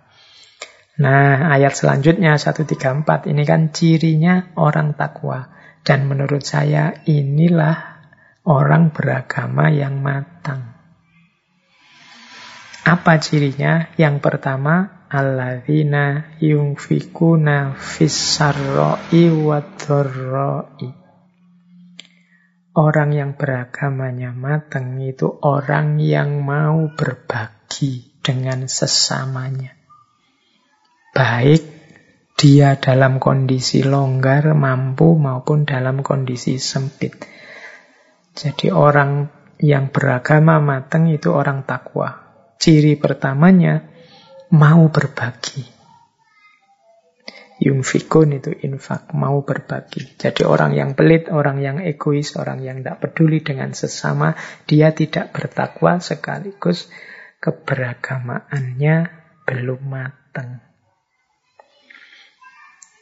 Kemudian ciri kedua wal kadhiminal orang yang bisa menyembunyikan kemarahannya. Ini sama dengan tadi orang dewasa itu mampu menahan dirinya. Jadi menyembunyikan kemarahan itu dalam rangka seandainya kita dirugikan orang, dikecewakan orang, marahnya dipending dulu. Karena marah itu kan sering saya jelaskan itu kondisi gelap. Biasanya kalau orang marah itu marah karena kesalahan. Ketika kemarahan itu dilampiaskan, lahirnya kesalahan yang baru. Kekeliruan yang baru. Kita marah karena dizolimi orang, kemudian kemarahan itu kita lampiaskan, biasanya lahirnya kezoliman yang baru. Maka wal kadhiminal Ini kata-kata wal kadhiminal ini menunjukkan bahwa manusiawi orang itu bisa marah. Tapi tahanlah dirimu untuk tidak serta-merta melampiaskan kemarahanmu. Karena kondisi kemarahan itu kondisi yang ketika akal gelap, pandangan kita gelap. Jangan sampai kita marah, kita kecewa terhadap satu kesalahan, satu kezoliman, akhirnya kita tidak perhitungan, lahirlah kesalahan kezoliman yang baru. Maka orang yang matang beragama itu wal kadhiminal Mampu memendam kemarahannya. Kemudian wal afina aninas. Orang yang punya daya maaf kepada manusia yang lain. Jadi orang yang pemaaf, hatinya luas, pikirannya luas mampu memaklumi kesalahan-kesalahan. Wal afina aninas, mampu memaafkan. Ini penjelasan detailnya seperti apa permaafan itu bisa dicari di sesinya ngaji filsafat yang tentang permaafan. Saya tidak akan ngulang, nanti kalian mengeluh lagi. Sudah pernah Pak dijelaskan. Ya saya tidak panjang lebar, kamu cari ketika bagaimana mulia dan utamanya memaafkan itu. Salah satu cirinya orang beragama. Kemudian wallahu yuhibbul muhsinin. Wallahu yuhibbul muhsinin itu berarti Allah mencintai orang-orang yang berbuat baik. Ihsan tadi. Itu di antara orang yang matang dalam beragama itu orang yang ihsan. Jadi menyempurnakan kebaikannya, tidak sekedar melakukan kebaikan yang wajib dia jalankan saja, tapi dia nambah-nambah kebaikan sebanyak mungkin yang dia mampu. Itu seorang muhsin. Itu menunjukkan orang yang matang dalam beragama. Jadi beragama matang itu punya korelasi dengan tingkat ketakwaan. Semakin seseorang bertakwa, semakin matang, semakin dewasa harusnya dia dalam beragama. Mau berbagi, tidak disetir oleh kemarahan, mudah memaafkan, dan selalu menebar kebaikan. Ini orang dewasa beragama sekaligus orang yang bertakwa. Terus, selanjutnya, kematangan beragama juga bisa diukur dari keadilan kita kepada diri kita sendiri. Nah, jadi kalau tadi kan hal-hal yang untuk di luar diri memaafkan orang lain, menahan amarah kita kepada orang lain, berbagi kepada orang lain, berbuat baik kepada orang lain. Lah terus yang kepada diri sendiri, Pak, kematangan beragama itu di antara cirinya juga adil kepada diri sendiri. Jadi justru kalau ada orang menyiksa dirinya sendiri, tidak open, tidak amanah mengelola dirinya sendiri, itu justru menunjukkan dia belum matang juga dalam beragama. Ini saya bawa satu hadis riwayat Bukhari Muslim. Teman-teman yang Muslim pasti pernah dengar hadis ini. Saya bacakan ya, biar ada bunyi hadisnya di ngaji kita. Ijtama'a nafarun faqala Ba'duhum ana akumu wala anam wa qala akharu ana asumu wala aftur. Wa salis ana la atazawwajun nisa jadi satu ketika sekelompok sahabat Nabi berkumpul. Kemudian ada yang berkata, Ana akumu wala anamu. Aku akan sholat malam terus sepanjang malam, tidak akan tidur-tidur. Wakolal akhoru. Yang lain berkata, Ana asumu wala aftur. Aku akan puasa terus. Puasa itu kan baik. Dan aku tidak akan tidak puasa. Setiap hari aku akan puasa. Wala aftur dan aku tidak akan buka puasa. Ada lagi yang bilang, Ana atazawajun nisa. Ana la atazawajun nisa. Aku tidak akan kawin. Pokoknya aku mau ibadah terus. Hidupku aku persembahkan kepada Allah. 100%. Tidak ada yang untuk dunia, aku tidak akan kawin. Ini tiga orang ini mungkin yang masih gairah, keagamaannya meledak-ledak, meletup-letup. Semangatnya baru panas-panasnya. Jadi yang satu bilang, aku mau sholat malam. Pokoknya tidak ada tidur lagi, goodbye tidur. Aku mau tahajudan terus. Yang satu, aku mau puasa terus. Setiap hari puasa. Yang satu, aku tidak akan nikah-nikah sudah. Biar tidak repot untuk istriku apa suamiku, semuanya hidupku persembahkan pada Allah. Fabalaghu dzalikan nabiyyu sallallahu alaihi wasallam. Maka sampailah hal itu kepada Nabi Sallallahu Alaihi Wasallam. Fakola alaihi salatu wassalam Kemudian maka Nabi terus bersabda. Jadi hal itu terus sampai pada Nabi. Mungkin ada yang lapor. Kanjeng Nabi, wah itu sahabat-sahabat ini sedang panas ini. Ingin ibadah terus ini. Terus sampai pada Nabi. Kemudian Nabi bersabda, Ma balu aku amin yakuluna nakada wa kada.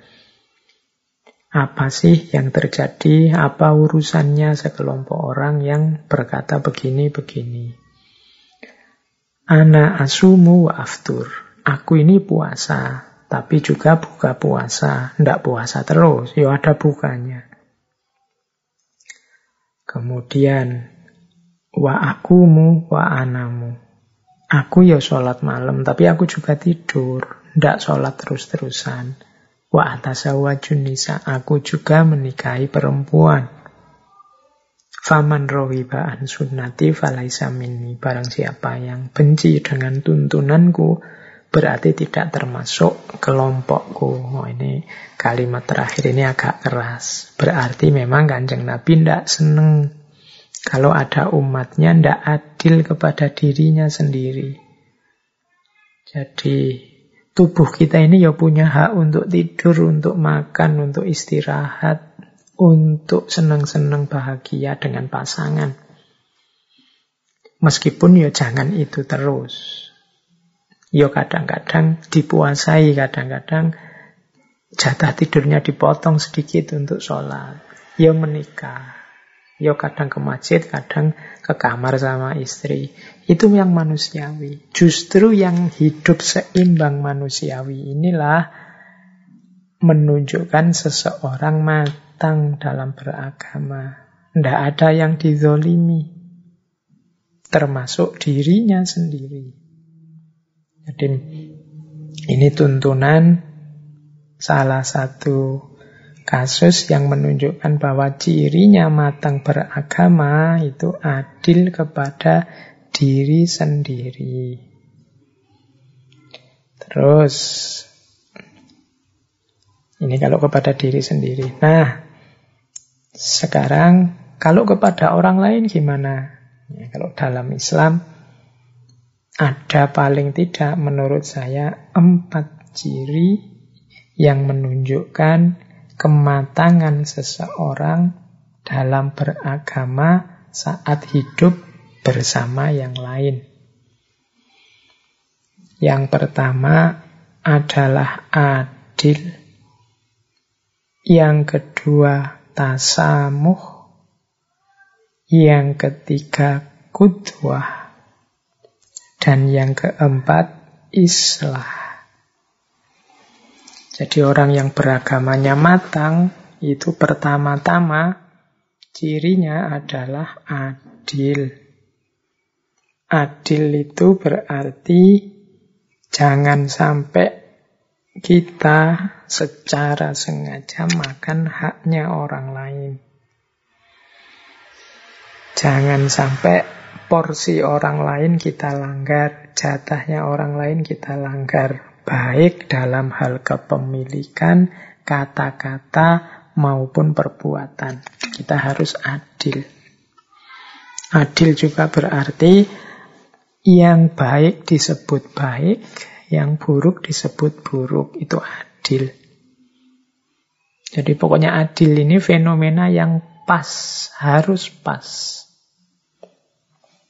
Kalau jatahnya 10, ya ambillah 10. Kalau temenmu yang salah, ya sebutlah bahwa dia yang sebenarnya salah. Ini justru menunjukkan orang ini sudah dewasa beragamanya. Adil. Oke, kan ada itu kan dalam Al-Quran diwanti-wanti jangan sampai kecenderunganmu pada satu kaum membuatmu tidak adil.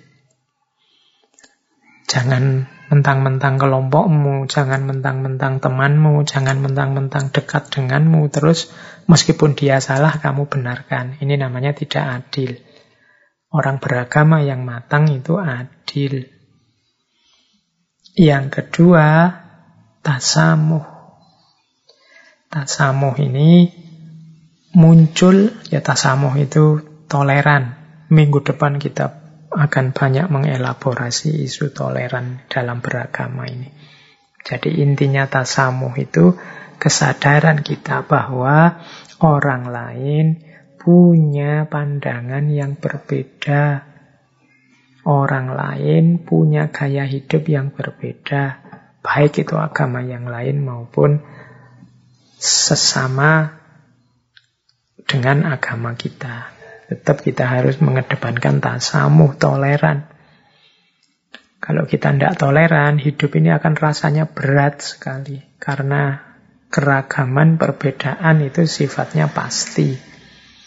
Jadi kemampuan untuk toleran, kemampuan untuk menerima perbedaan, itu salah satu bukti kematangan dalam beragama.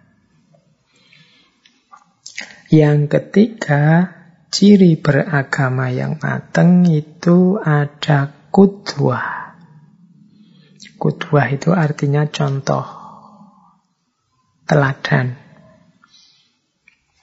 Jadi kudwah berarti hidup kita itu isinya baik-baik. Isinya utama-utama. Isinya bisa ditiru semua, bisa diteladani semua. Nah, itu namanya kudwah. Jadi kalau seorang beragama sudah bisa ditiru kelakuannya, kata-katanya, perbuatannya, bisa dicontoh, bisa dijadikan kudwah, menunjukkan bahwa dia sudah matang sebenarnya keberagamaannya. Jadi cirinya mudwah. Kalau dibalik berarti apa? Lakukan segala hal yang menurutmu orang lain layak meniru. Orang lain akan lebih baik kalau meniru yang kamu lakukan. Jadi ketika kita melakukan sesuatu, pastikan bahwa kalau orang niru yang saya lakukan ini, itu baik. Nah itu berarti menunjukkan bahwa tindakan kita sudah mateng, sudah bisa jadi kudwa, sudah bisa jadi contoh.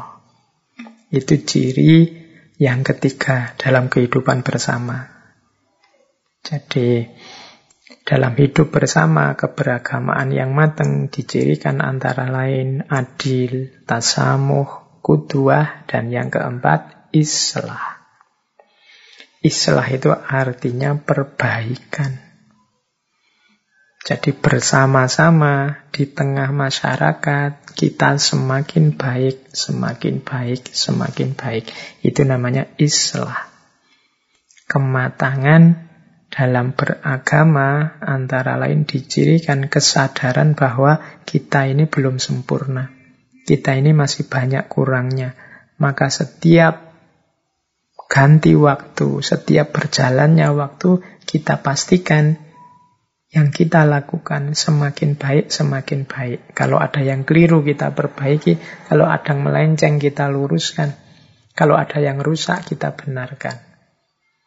Yaumuhu khairun min amsihi. Ciri muslim yang baik hari ini lebih baik daripada kemarin. Itu salah satu ciri kematangan beragama. Pastikan dirimu adil, pastikan dirimu toleran, pastikan dirimu teladan, dan pastikan dirimu siap untuk selalu lebih baik. Nah, ini empat ciri karakter kematangan dalam hidup bersama. Kalau ciri untuk hidup sendiri tadi, cirinya hanya adil.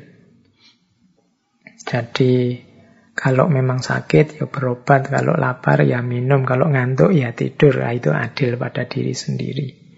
Meskipun tetap kalau itu orangnya matang, ngerti batasnya. Kapan aku bangun, kapan aku tidur, kapan harus puasa, kapan harus berbuka. Ini menunjukkan orang matang beragama.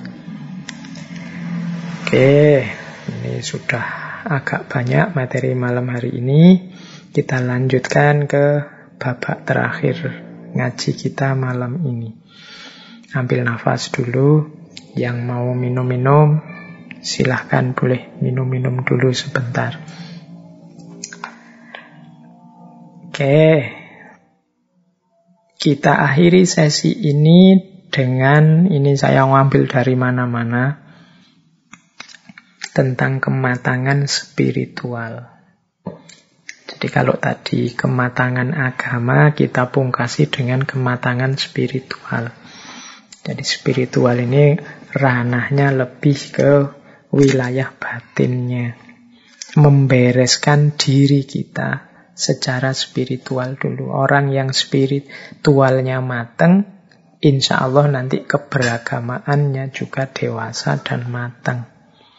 Dia akan jadi problem solver, bukan lagi troublemaker. Dia akan memberi solusi untuk kehidupan ini dan bukan sumber masalah.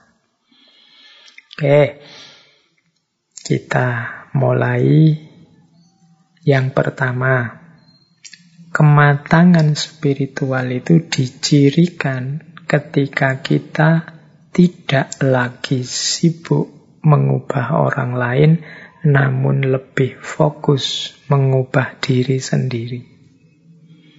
Jadi orang yang matang secara spiritual itu perhatian utama dan pertama adalah dirinya sendiri saya ini masih kurang, saya ini masih lemah, saya ini masih butuh perbaikan. Nah, ini menunjukkan orang ini sadar dan matang secara spiritual. Tapi ada kan orang yang sebaliknya, sibuknya selalu nembak keluar. Orang itu ilmunya kurang, orang itu belum sadar-sadar, orang itu masih duniawi pikirnya, orang itu masih ambisius, selalu orang lain, orang lain. Tadi ada ciri-ciri yang saya sebut orang dewasa, orang macam-macam itu biasanya kan kita terus nembak keluar. Oh berarti orang itu belum dewasa. Oh berarti pimpinan yang itu nggak dewasa. Kita selalu sibuk nembak orang lain. Orang yang spiritualitasnya matang itu fokusnya ke dirinya sendiri. Aku sudah dewasa apa belum ya? Aku ini tanggung jawab apa belum ya? Aku ini sadar diri, tahu diri ndak ya? Aku ini sabar atau siap menerima proses apa enggak ya dan lain sebagainya. Nah, orang yang lebih sibuk fokus pada perbaikan dirinya itu menunjukkan kematangan spiritual. Loh apa menasehati orang untuk orang di sekeliling kita tidak penting, Pak? Penting. Tapi pertama-tama bereskan dirimu sendiri dulu. Itu menunjukkan kematangan spiritual. Nah, ciri yang kedua menerima diri sendiri dan orang lain sebagaimana adanya. Jadi kalau ini lanjutannya yang tadi ya, kenapa kita tidak harus sibuk dengan orang lain, ya kita terima saja orang lain apa adanya. Kenyataan bahwa orang itu beda-beda ya kita terima, termasuk menerima diri kita sendiri. Banyak orang yang sukanya memarahi dirinya sendiri, yang kecewa terhadap hidupnya sendiri sehingga dia selalu mempreser, menekan dirinya. Itu kalau tidak hati-hati nanti dari stres bisa jadi depresi, nanti jadi sakit jiwa. Terimalah dirimu apa adanya, juga orang lain. Bahwa kamu kurang ya, bahwa kamu ada kelemahan ya, tapi itu tidak dijadikan alasan untuk membenci dirimu, apalagi mengusir dirimu dari dirimu sendiri. Terimalah dirimu dan juga orang lain. Orang lain juga harus kita terima sebagaimana adanya. Itu ciri kedua, berarti kalau sudah bisa menerima diri, menunjukkan kita sudah matang secara spiritual. Terus yang ketiga, tidak lagi membebankan beragam harapan kepada orang lain dan fokus untuk memberi atau berbagi. Orang yang matang secara spiritual itu tidak banyak membebankan harapan. Membebankan harapan itu, aku ingin engkau begitu. Aku butuh ustadz yang begini loh. Aku ingin dosen itu menurutku yang baik itu begini loh. Aku ingin punya teman itu yang ideal itu begini loh. Jadi kamu membebankan harapan-harapan ideal-idealmu pada orang lain.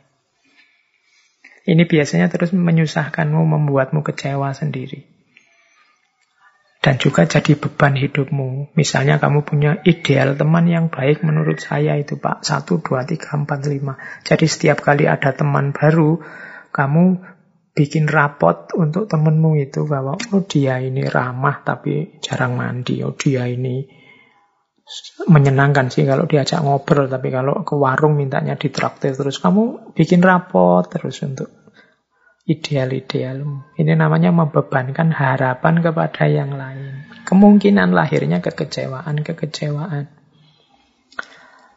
Ya pasangan ideal menurut saya ini Pak. Oh itu alamat nanti kalau kamu punya pasangan, kamu akan bikin rapot tentang pasanganmu. Sudah cocok apa enggak sama standar yang kamu buat. Nah, selain menyusahkan juga hanya akan jadi bebanmu. Semakin berat nanti hidupmu. Fokuslah pada memberi berbagi. Coba kamu teliti dirimu, kamu cek kira-kira aku bisa berbagi apa pada orang lain, pada lingkungan sekelilingku, mampuku memberi apa. Pak, kalau saya harta tidak punya, Pak, saya punyanya tenaga, ya sudah, sumbangkan tenagamu untuk kebaikan orang lain. Pak, saya punyanya yo hanya ilmu yang sedikit-sedikit ini, Pak. Hanya ngaji ikro itu loh, Pak, saya bisanya. Ya, sumbangkan kemampuanmu ngaji ikro itu. Berbagilah kemampuan ngaji ikro bagi yang belum bisa ngaji ikro. Jadi sibuklah dengan apa yang bisa kamu berikan pada orang lain. Bukan pada apa yang kamu inginkan dari orang lain. Nah ini orang yang semacam ini kategorinya berarti dia sudah matang secara spiritual. Jadi yang dia pikir hanya memberi dan berbagi pada yang lain, bukan mengharapkan meminta pada yang lain. Ini mengurangi beban hidup dan juga efek kecewa dan susah dalam hidup. Kemudian yang keempat, orang yang matang secara spiritual itu mengerti bahwa apa pun yang ditanam, itulah yang dituai. Apa pun yang dilakukan, itulah yang dinikmati. Jadi ini rumusnya orang hidup itu mal mithqala dzarratin khairan wa mal mithqala dzarratin. Sekecil apa pun kebaikan akan kita nikmati hasilnya, sekecil apa pun kejelekan akan kita nikmati juga efeknya. Orang yang matang secara spiritual ngerti benar rumus ini. Makanya dia hati-hati. Jangan sampai melakukan kesalahan sekecil apa pun. Eman-eman nanti dengan panennya. Jadi itu ciri kematangan yang keempat. Jadikan ini rumus hidup. Apa pun yang dilakukan, akan dinikmati hasilnya. Karena hari ini kan Kadang-kadang kita meremehkan tindakan-tindakan kecil yang menurut kita seandainya dosa itu ya dosa-dosa kecil. Alah pak, cuma ngomong kotor jorok sedikit aja, enggak masalah lah. Yang lain efeknya keakraban yang muncul jadi luar biasa pak ya, enggak masalah. Yo, memang sih kalau kalau kamu lihat efek keakrapannya jadi luar biasa. Tapi bisa ndak kamu menjalin keakraban tidak dengan yang itu. Yang kamu anggap dosa tapi kecil itu. Buat nyari yang ndak ada dosanya. Kenapa? Karena sekecil apa pun kekeliruan, kesalahan akan kamu nikmati, akan kamu panen hasilnya. Alah nanti tobat juga selesai ya. Tobat urusan yang vertikal. Yang horizontal kadang-kadang tidak tersangka-sangka. Ada, kalau dalam bahasa Hindu ada karma palanya. Jadi ada hukum timbal baliknya. Makanya penting bagi kita untuk hati-hati. Orang yang sudah matang secara spiritual biasanya ini sudah otomatis.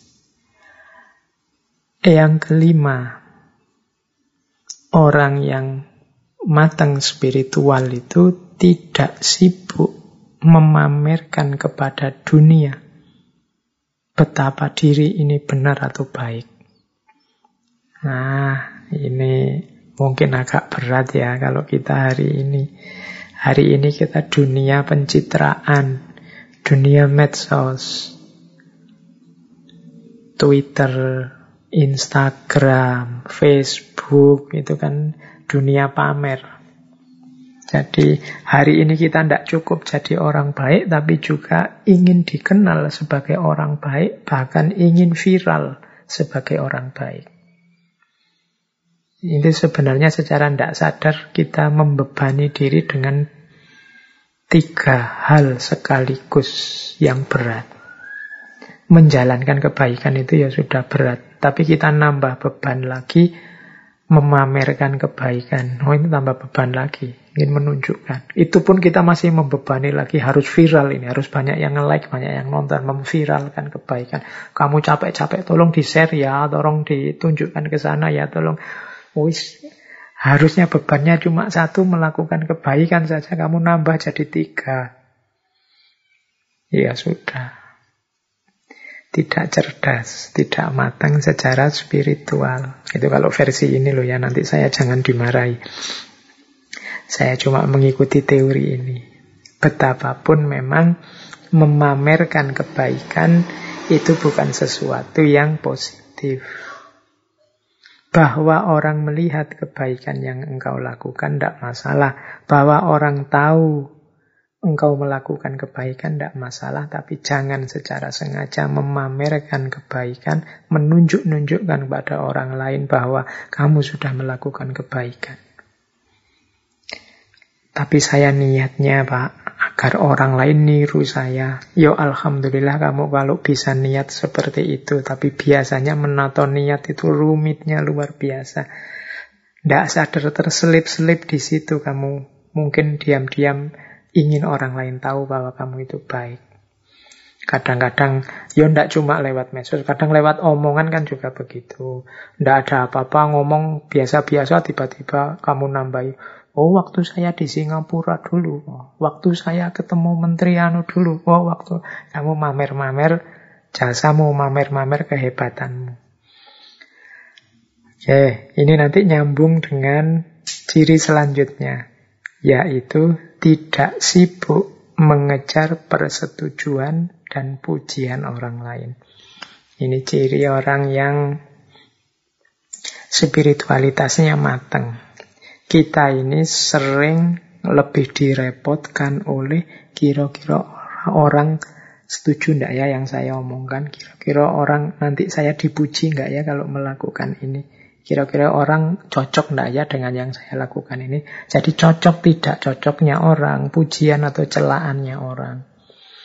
Ini sebenarnya menunjukkan kita tidak terlalu yakin dengan kebenaran atau kebaikan yang akan kita jalankan. Harusnya kalau kita sudah mantap, sudah yakin bahwa ini benar, ini baik, sudah saya yakin dasarnya ini kuat, pasti benar, pasti baik. Itu kita tidak akan repot lagi mengejar, mencari, menunggu pujian atau persetujuan orang lain. Terserahlah monggo kalau ada orang setuju atau tidak setuju. Orang mau mencela juga tidak apa-apa. Tapi saya yakin ini adalah benar dan baik. Nah, ini menunjukkan orang sudah matang secara spiritual. Kalau masih sibuk menunggu komentar orang lain, kemungkinan kita tidak terlalu yakin dengan kebaikan kita. Atau kalau tidak, saya yakin kok Pak. Tapi yo, kok masih nunggu? Ah, itu tadi mungkin ada unsur pamernya. Berarti kamu hanya ingin pamer saja. Oke, ya, pamer juga bukan sesuatu yang positif. Sudahlah, bukan berarti kamu tidak boleh medsosan, tidak boleh upload di Instagram, Facebook, atau WA. Monggo dilanjutkan, tapi tata batinnya dibereskan dulu. Semoga engkau tidak sibuk memamerkan kebaikanmu dan juga tidak sibuk mengejar persetujuan dan pujian orang lain. Karena ini nanti kontraproduktif dengan kematangan spiritual yang sedang kita bangun. Biasanya kalau orang mengejar pujian, kemudian yang datang itu celaan, itu moodmu langsung turun drastis, mengacaukan ritme ketenanganmu, bahkan nanti mungkin menghalangi jalan spiritualmu.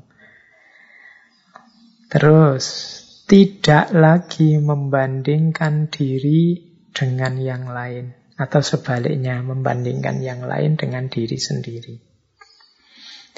Banding-bandingan ini biasanya ciri orang yang tidak percaya diri, tidak yakin dengan kebenarannya, atau kalau membandingkan orang lain dengan diri sendiri, itu biasanya ciri orang yang sombong dan merasa benarnya sendiri. Begitu aku merasa benar, kan terus aku ingin orang lain seperti aku. Biasanya terus terjadilah membandingkan orang dengan dirinya. Mbok dia itu kayak aku ini loh. Mbok dia itu niru aku ini loh. Nah itu membanding-bandingkan namanya. Atau dibalik, membandingkan diri dengan orang lain aku ini sudah cocok nggak ya dengan itu, dengan idolaku itu? Sudah sesuai nggak sih dengan yang selama ini aku puja-puja? Sudah nyambung nggak sih dengan artis yang selama ini aku idolakan dan seterusnya? Ini menunjukkan tidak percaya diri. Jadi membandingkan diri dengan orang lain menunjukkan tidak percaya diri, membandingkan orang lain dengan dirinya biasanya menunjukkan rasa benar sendiri, kesombongan, keangkuhan. Ini juga jangan dilakukan. Orang yang sudah tidak sibuk lagi dengan perbandingan-perbandingan menunjukkan dia sudah matang secara spiritual. Oke, terus selanjutnya orang yang matang secara spiritual itu mampu membedakan kebutuhan dan keinginan. Dan selanjutnya mampu mengontrol keinginan. Jadi dalam hidup ini kita ini sering rancu antara kebutuhan dan keinginan. Makan itu kebutuhan. Tapi nyari restoran mewah itu keinginan. Jadi yo minum itu kebutuhan. Tapi harus merek minum tertentu itu keinginan. Mencari ilmu itu kebutuhan. Tapi harus di kampus ini atau harus lewat ustadz ini atau harus lewat organisasi ini itu keinginan. Jadi bedakan dulu deh mana kebutuhan, mana keinginan. Bukan berarti tidak boleh keinginan ini. Tapi keinginan ini dikontrol. Kalau keinginannya yang baik-baik kan tidak masalah. Yang mendukung kebutuhan. Saya pak ingin makan. Nah makan ini kebutuhan. Dan saya kok ya kebetulan idolanya angkringan. Maka saya ke angkringan. Tidak masalah.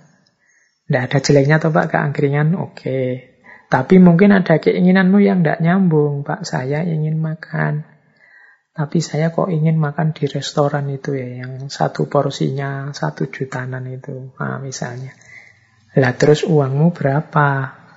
Modalmu berapa? Itu kan penting. Kalau memang tidak seimbang antara sekali makan dengan hidupmu sehari-hari, ya keinginanmu yang dikontrol. Jadi bedakan kebutuhan dan keinginan. Pak, saya ini butuh hiburan, Pak. Hari ini kan semua punya HP. Jadi saya mau beli HP. Boleh. Berarti HP-mu itu kebutuhanmu. Nah, sekarang keinginan. Kamu ingin beli HP yang apa? Kamu ingin HP yang speknya seperti apa? Nah, itu harus dikontrol. Disesuaikan dengan modalnya, disesuaikan dengan tingkat kebutuhannya. Kamu butuh untuk komunikasi apa butuh untuk main game atau apa. Kan itu nanti disesuaikan dengan keinginannya, modalmu berapa, uangmu berapa, dan seterusnya. Nah, ini mudahnya kemampuan untuk membedakan kebutuhan dan keinginan. Bukan berarti tidak boleh orang menginginkan sesuatu, tapi kemampuan mengontrol keinginan itu nanti salah satu bukti kematangan spiritual. Tidak semua keinginan kita harus terpenuhi karena kita ini manusia. Ada keinginan yang bisa dipenuhi, ada yang tidak. Bahkan ada keinginan yang pantas untuk diinginkan, ada yang tidak pantas untuk diinginkan. Tidak pantas dalam arti, yo belum waktunya, belum saatnya. Rumusnya seperti tadi ya, kita harus sadar diri dan tahu diri sebelum mancang keinginan. Oke, terus yang terakhir, ciri kematangan spiritual itu tidak lagi menggantungkan kebahagiaan kepada hal-hal yang material. Nah, jadi orang yang spiritualitasnya mantap dan matang, itu kebahagiaannya tidak tergantung pada hal-hal di luar dirinya. Saat ini juga, detik ini juga saya bisa bahagia. Apa pun yang saya miliki, materi apa pun yang nempel pada saya. Itu namanya tidak menggantungkan kebahagiaan kepada hal-hal yang material. Nah, ini bisa dicek lagi di sesi filsafat kebahagiaan. Itu hampir semua tokoh filsafat kebahagiaan yang kita angkat itu tidak lagi menggantungkan kebahagiaan kepada hal-hal yang material. Dan justru itulah cirinya kematangan spiritual. Baik, teman-teman, saya kira mungkin itu ya materi untuk malam hari ini. Sebagai catatan terakhir dari sesi kematangan beragama ini, pertama-tama harus kita sadari bahwa menuju kematangan beragama, kematangan spiritual, ini butuh proses. Jadi butuh waktu, butuh level-level tindakan, tingkatan-tingkatan yang harus kita daki. Tidak ada yang instan. Kalau saya bicara butuh proses, berarti juga butuh kesabaran, butuh istiqomah. Yo, saya sendiri juga tidak berani mengklaim saya sudah matang secara agama, sudah dewasa beragamanya, sudah matang spiritualnya. Tapi kita bareng-bareng berusaha. Termasuk ngaji kita malam hari ini kan upaya untuk kita meniti jalan untuk semakin baik, semakin dewasa dalam beragama. Jadi tidak instan. Biasanya yang muda-muda itu kan pinginnya cepat, langsung. Saya ingin langsung spiritualitasnya matang Pak. Itu biasanya terus tengah jalan ngelukro, tengah jalan susut semangatnya karena merasa wah kok berat pak, kok susah pak ya. Karena apa-apa ada tangga-tangganya yang harus didaki. Kemudian yang kedua juga pasti tidak langsung sukses, ada jatuh bangunnya, ada naik turunnya. Tidak apa-apa, dinikmati saja proses itu. Jangan marah-marah pada dirimu sendiri, apalagi menyiksa dirimu sendiri, tapi juga jangan terlalu memanjakan dirimu. Jadi, bikin rencana-rencana, bikin strategi-strategi, biar kita bisa setahap demi setahap naik menuju kematangan dalam beragama, kematangan dalam spiritualitas kita. Ya, dengan rumus-rumus yang tadi sudah disebut dari awal ngaji sampai akhir ngaji. Oke, saya kira itu untuk sesi malam hari ini. Minggu depan kita lanjutkan dengan religius toleran. Kalau minggu depan fokusnya pada hubungan keluar. Kalau kemarin-kemarin situasi di dalam. Apakah itu pengalaman ataukah kematangan? Nah, minggu depan kita ke hubungan kita keluar dengan yang lain saat kita beragama di tema religious tolerance. Oke, saya kira itu semoga ada manfaatnya. Kurang lebihnya mohon maaf. Wallahul muwafiq, wallahu a'lam bisawab. Wassalamualaikum warahmatullahi wabarakatuh.